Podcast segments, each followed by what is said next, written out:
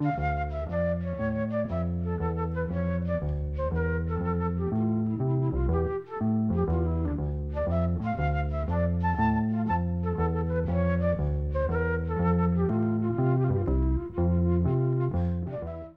sæl. Breski tónlistamæðurinn John Miles var einn af fjölmörgum Íslandsvinnum en hann lést eftir stuttveikindi 5. desember 2021, 72 ára gammal. John Miles kom til Íslands með hljómsett sinni í tvígang, annars vegar í vetrarbyrjun 1973 og svo aftur einu ári setna. Þegar kom í fyrraskiptið dvaldan á samt hljómsett sinni í tæpar þrjár vikur og spilaði bóstal út um all land eða því sem næst. John Miles var með blötusamning við Orange útgáfana, sama fyrirtæki og íslenska hljósettin Chains var á samningi hjá í Breitlandi. Magnús Hjarnarsson kynntist John Miles í gegnum þessi tengsl hans við hljósettina Chains en í Chains voru einmitt félaga Magnúsar úr Keflavík og Njarvík og Víðar. Og þá var Magnús sem hafði milligöngum það umbósmaðurinn Ámundi Ámundason flutti hljósettina John Miles Set til landsins. Ámundi lendi í stappi við FIH, félag íslenska hljómlistamanna, sem reyndi að koma í vekk fyrir að hljómsettin fengi aðunleifi á þeim fósendum að hljómsettin ætti eftir að taka vinnu frá íslenskum pophljómsettum. Félagsmálaráðunitið veitti aðunleifi, þenguða síður, þannig að John Miles Sett fekk leifi til þess að spila hér á landi. Áður en lengra er haldið heyru við lag sem að John Miles hljóðrita árið 1970 fyrir óransútgáfuna Á plötumiðanu stendur að lægið sé eftir John Errington en það mun hafa verið þið rétta ættana John Miles. Hann hétt sem sagt John Errington en ekki John Miles.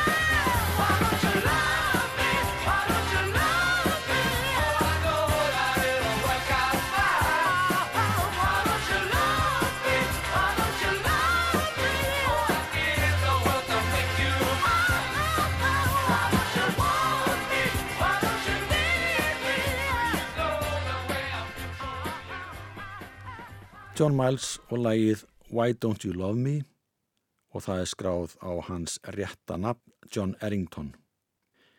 Þremenningarnir sem skipuðu John Miles sett komið til landsins á samt rótara sínum í fyrsta skipti í byrjunvetra 1973.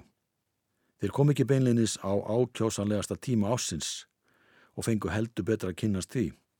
Það sem að mikið óviður gekk yfir landið 31. oktober 1973, daginn sem er lent á Íslandi. Eins og margi muna þá þurft að ganga niður tröppur úr flugvillinni, yfir flughlaðið og inn í gamlu flugstöðuna sem var á Keflavíkur flugvilli. Fyrstu tónleikar John Miles Sett voru síðan kvöldið eftir. Þeir komu fram á tónlingum í Östubæðabíjói 1. november og þar spiluðu þrjálfljónsittir. Tvær þeirra voru Breskar, Capricorn og John Miles Sett.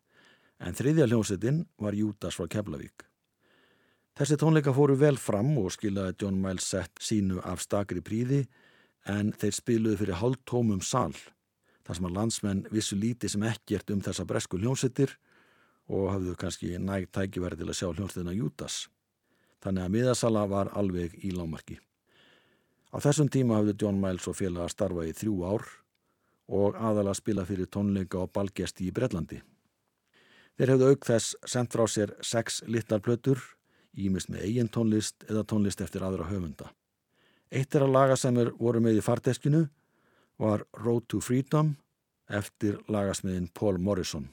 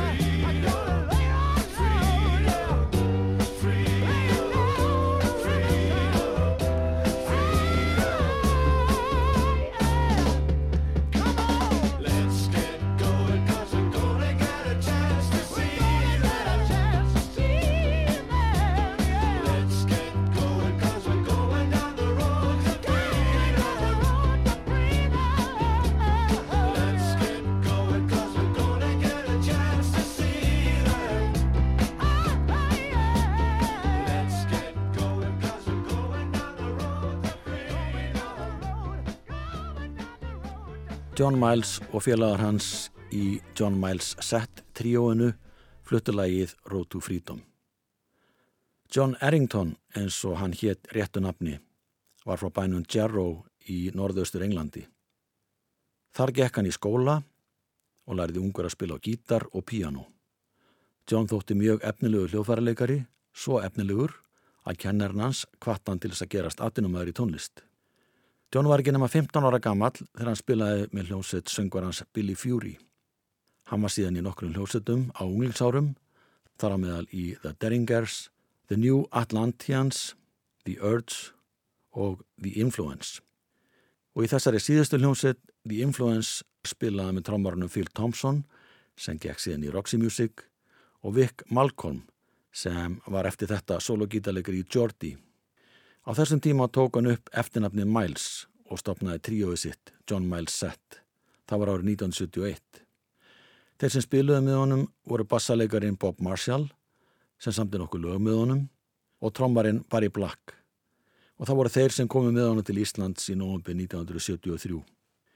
John Miles starfaði en tíma með ástrálskum lagarsmiðum Harry Wanda og George Young, sem sömdu lagi Friday on my mind en þeir voru hljónstinni Easy Beats.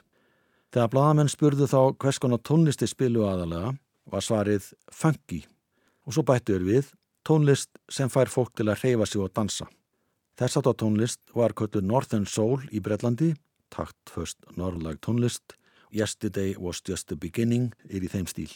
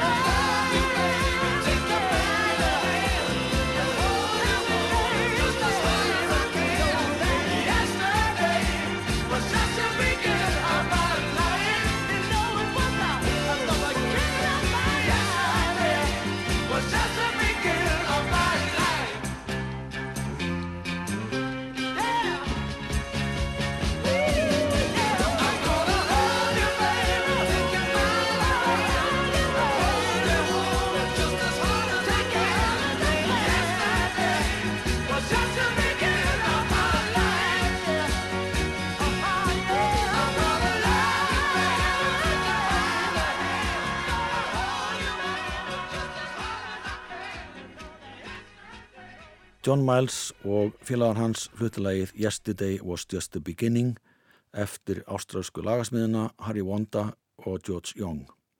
Sá síðanemdi var elsti bróðir Angus Young og Malcolm Young en þeir stopnuðu þungaroksveitina ACDC. Tvíegið Wanda og Young byggu í Breitlandi á þessum tíma, fluttu þangað árið 1970 og dvöldu þar til ásins 1973 en þá snýður er aftur heim til Ástralíu. Þeir sendu frá sér nokkra smáskýfur og nótuðu hinn og þessi listamannsnöfn. Þeir samdi líka lög fyrir aðra listamenn, þar á meðal fyrir John Miles. Lægið Yesterday was just the beginning kom út á lítilli plötu árið 1972 og einu ári setna kom annar lag eftir þessa sömu lagasmiði, Hard Road. Þetta lag var því tiltölulega nýtt þegar hljómsveitin John Miles Sett kom hinga til lands og spilaði hún þetta lag, hvort sem það var á tónleikum í sangumhúsum, á böllum eða í gagfræðaskólum og mentaskólum þar sem við spiluðu vítt og breyttu landið.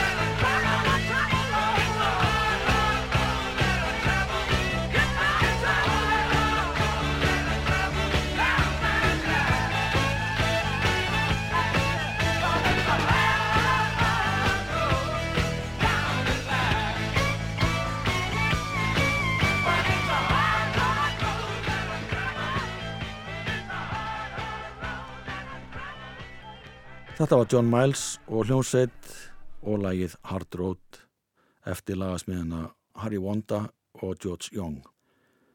Þegar hann kom hinga til hans á samt tríói sinu hann var nokkru áður gefið út lagið One Minute Every Hour og það kom út á smálskjöfu. Þeir sem fylgdust með því sem var að gerast á tónleikasviðinu hér heima og skrifuð um poptónlist í dagblöð voru sammálan um það að John Miles var í aðbyrða gítarleikari og alls ekki síður í píjánuleikari. Þess var einning getið að hann var í alveg þrælgóðu söngvari og hljómsettin hans væri bara bísna góð. En það fyldi gerðnan með í þessum skrifum að það væri alls ekki ósennlegt að John Miles eftir þetta að ná mjög langt í heimalandinu Breitlandi en hann skorti aðeins frumleika og sérstöðu í þeirri tónlist sem hann spilaði. Hann þyrti í raun og veru að finna sinn eigin hljóm og enginni ef hann ætlaði að slá í gegn. Heyr nú lægið One Minute Every Hour sem er eitt nýjulagana sem John Miles Sett spilaði hér á landi.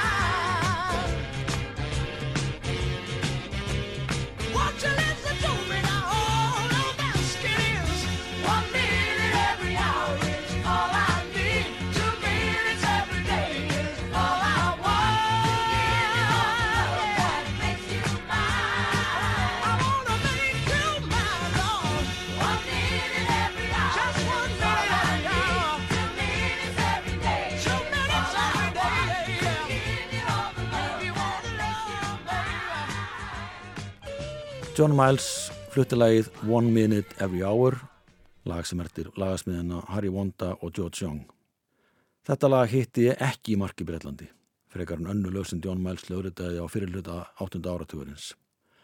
Hann prófaði alls konar tónlist og stíla, reyndi að fylgja í fótspór þeirra sem nutu hvað mestra vinsalda, en á þessum tíma var svo kalla glísrock eða glamrock vinsalt, en líka annars konar tónlist, Það sem að leita var í gömlu ræturnar eins og til dæmis Gilbert og Sullivan gerði og margi fleiri. John Miles prófa að fara þessa leið. Lægið Hollywood Queen eftir John Miles er akkurat í þessum stíl. En það kom út af baklið smálskifu árið 1973 og kom í vestlani hér á landi rétt árið John Miles og félagar hans heldu aftur heim til Bretlands.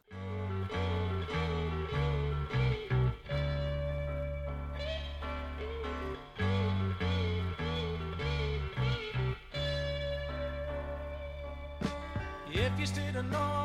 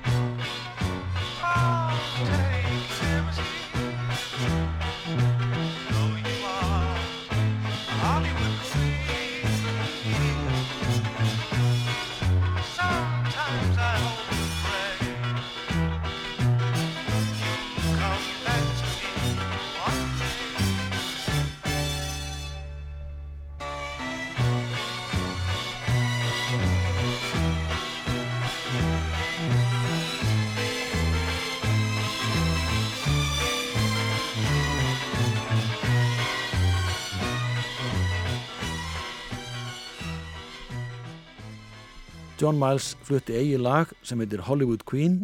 Það var tekið upp í Órans hlöðurinu árið 1973 á splunkunýjar 16 rása upptökugræjur. Þetta var stuttu áður en hann kom til Íslands. Eins og framkom í upphafið þáttarins átti Magnús Kjartansson sinn þátti því að hljómsettin kom hingað til tónleikahalds. John Miles sæði frá því í vitali sem byrtist í vikunni um það leiti sem hefur voru að fara aftur heim til Englands að hann væri að velta fyrir sér að hljóruða næst lag eftir Magnús Kjartansson og gefa það út á lítilli plöti í Brellandi. Þetta var lagi To Be Grateful, lag sem að Magnús samti og kom út á plötunni Livun með trúbróti árið 1971. Og við heyrum nú hvernig þetta lag hljómar í tólkun John Miles en það skal tekið fram að þetta er af frekar gamalli og slitinni 45 snúninga vínilplötu.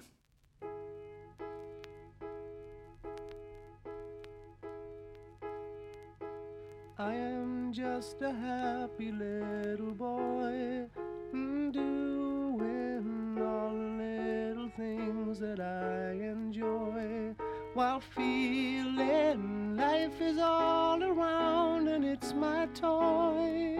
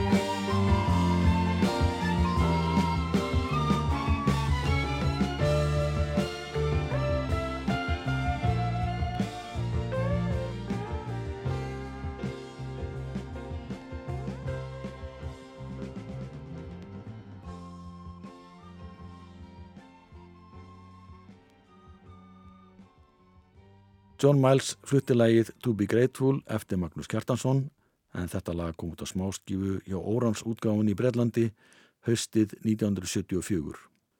John Miles og tríó hans komu aftur til landsins 27. oktober 1974 þrátt verir að þeir höfðu kvartað verulegi við því hversu hættulegt vegakerfið væri á Íslandi þeir voru hér ári á undan.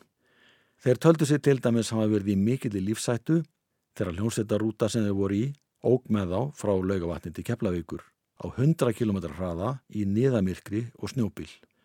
John Miles skildir hennilega ekki dýði hvernig hægt var að aga á þessum mjóu og krókutu vegum, hvað þá að fara yfir íslenskar einbreyðar brýr sem hann fannst að vera svo mjóar að bifriðin gæti ekki komist yfir.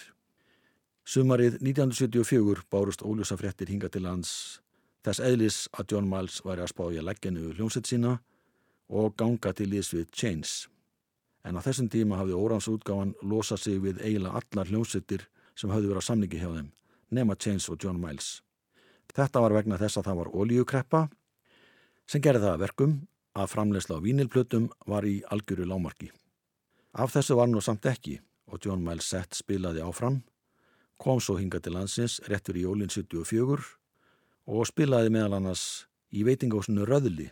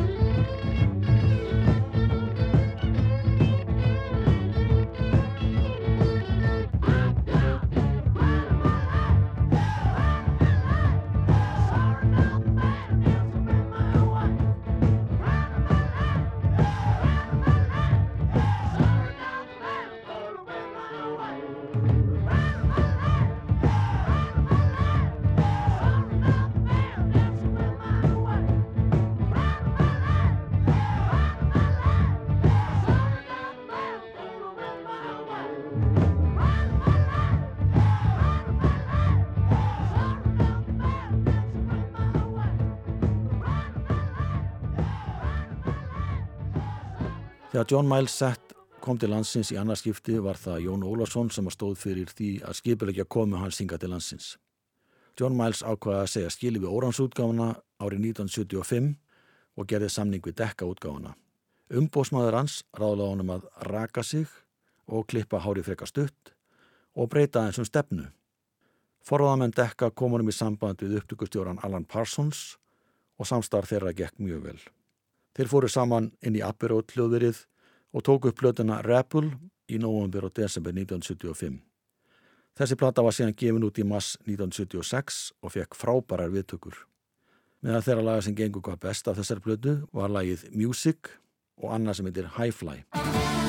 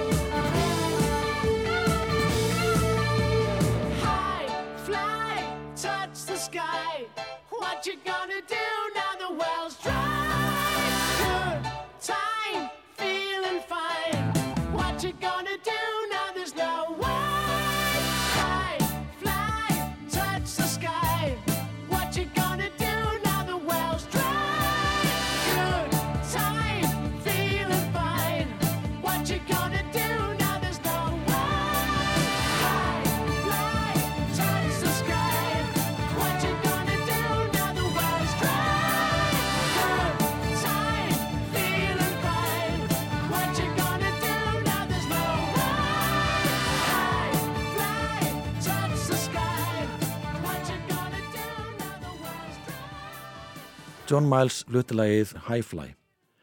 Árið setna sendi John Miles frá sér blötuna Stranger in the City og titila þeirra blötu var mjög vinsalt, ekki síst hér á landi.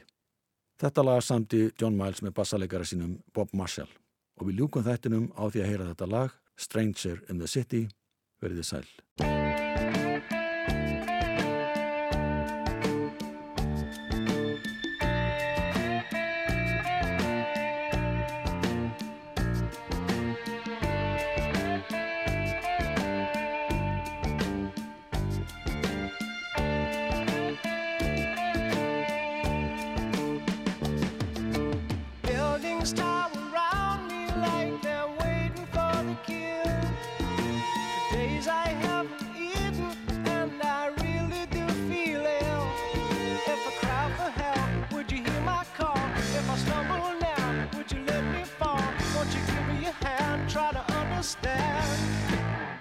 I'm a stranger